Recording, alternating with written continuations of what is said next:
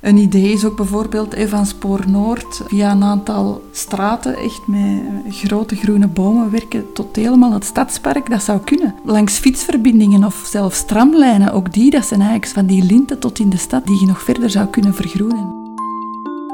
Ik zat samen met Ilse van Dienderen. Ilse is de voorzitter van de lokale groep van het district Antwerpen en komt samen met mij, Niels Staes, dit najaar op voor de Antwerpse gemeenteraadsverkiezingen. Ik had met haar een lang en boeiend gesprek over groene ruimte in onze stad. Dag Ilse. Dag. Leuk je hier thuis te zien. Ja. Het is, uh, het is plezant eigenlijk, want bij mijn podcast kom ik overal zo'n beetje. Ik ben al bij mensen op het werk geweest, bij mensen thuis, uh, op locaties bij Groen. Ik heb nog geen koffiebar gedaan, want we hebben hier koffie staan, dus dat is al in orde. Als ik het goed heb, sta je op twee lijsten? Ik sta op de stadslijst, Ja. op de negende plaats.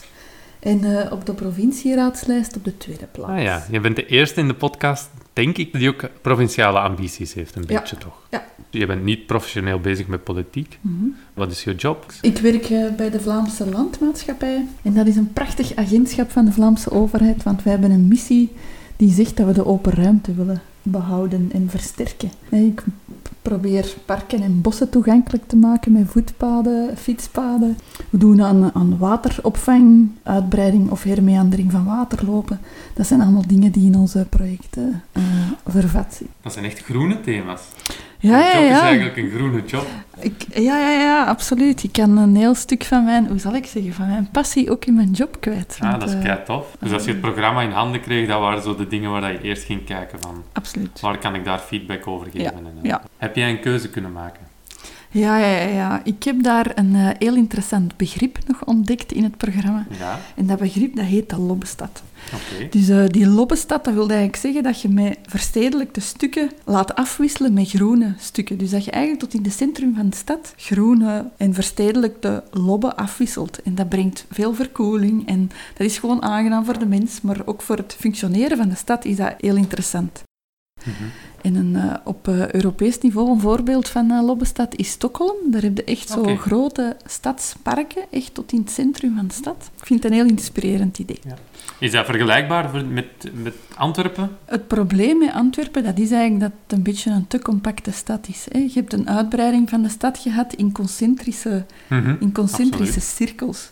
Waardoor dat, dat idee van die lobben eigenlijk ja, niet gehaald is. Je hebt een aantal eilandjes, hè, zoals het Stadspark of de Zoo.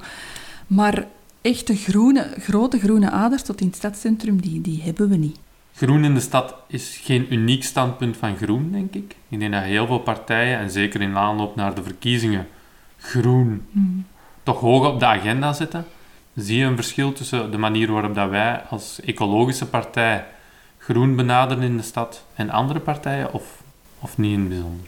Door die, die werkervaring die ik heb, stel ik mij onmiddellijk de vraag hoe maakte die vertaalslag van idee of van droom naar uitvoering? En ik denk dat we daar als groen een verschil kunnen maken. Ik vind eh, dat het goed is om, om, om ideeën te hebben, om, om utopieën te hebben, maar je zijt er niet veel mee als er in de praktijk niks mee gebeurt. En wat dat dan op dat vlak ook een beetje mijn dada is, dat is dat je dit niet kunt realiseren zonder een grondbeleid te voeren. We hebben een vastgoedbedrijf, Vespa, dat bepaalde doelstellingen heeft, maar ik ben eigenlijk pleitbezorger om die doelstellingen van Vespa uit te breiden, zodat dat een actieve rol in die vergroening van onze stad kan spelen.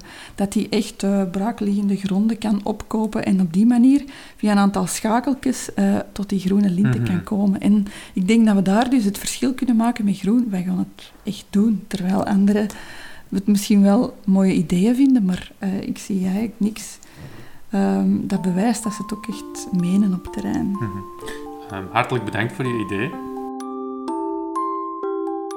En daarmee zit deze podcast erop. Dank aan Ilse om met mij samen te zitten. Zoals je kon horen staat Ilse op twee lijsten dit najaar. Ze staat op de stadslijst op plaats 9 en voor de provincieraad vind je haar op plaats 2. Ikzelf, Niels Staes, sta op plaats 10 en vandaag zijn we exact één maand voor de verkiezingen hier in Antwerpen. De verkiezingsstrijd begint stilaan los te barsten en ik vind het bijzonder boeiend om te zien hoe bepaalde thema's stilaan toch wel naar boven drijven.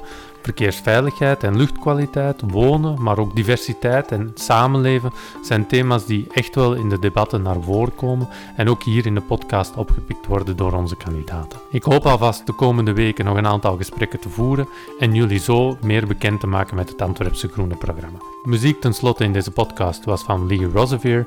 Alvast bedankt om te luisteren en ik kijk uit naar jullie reacties en stem uiteraard op 14 oktober. Tot volgende keer.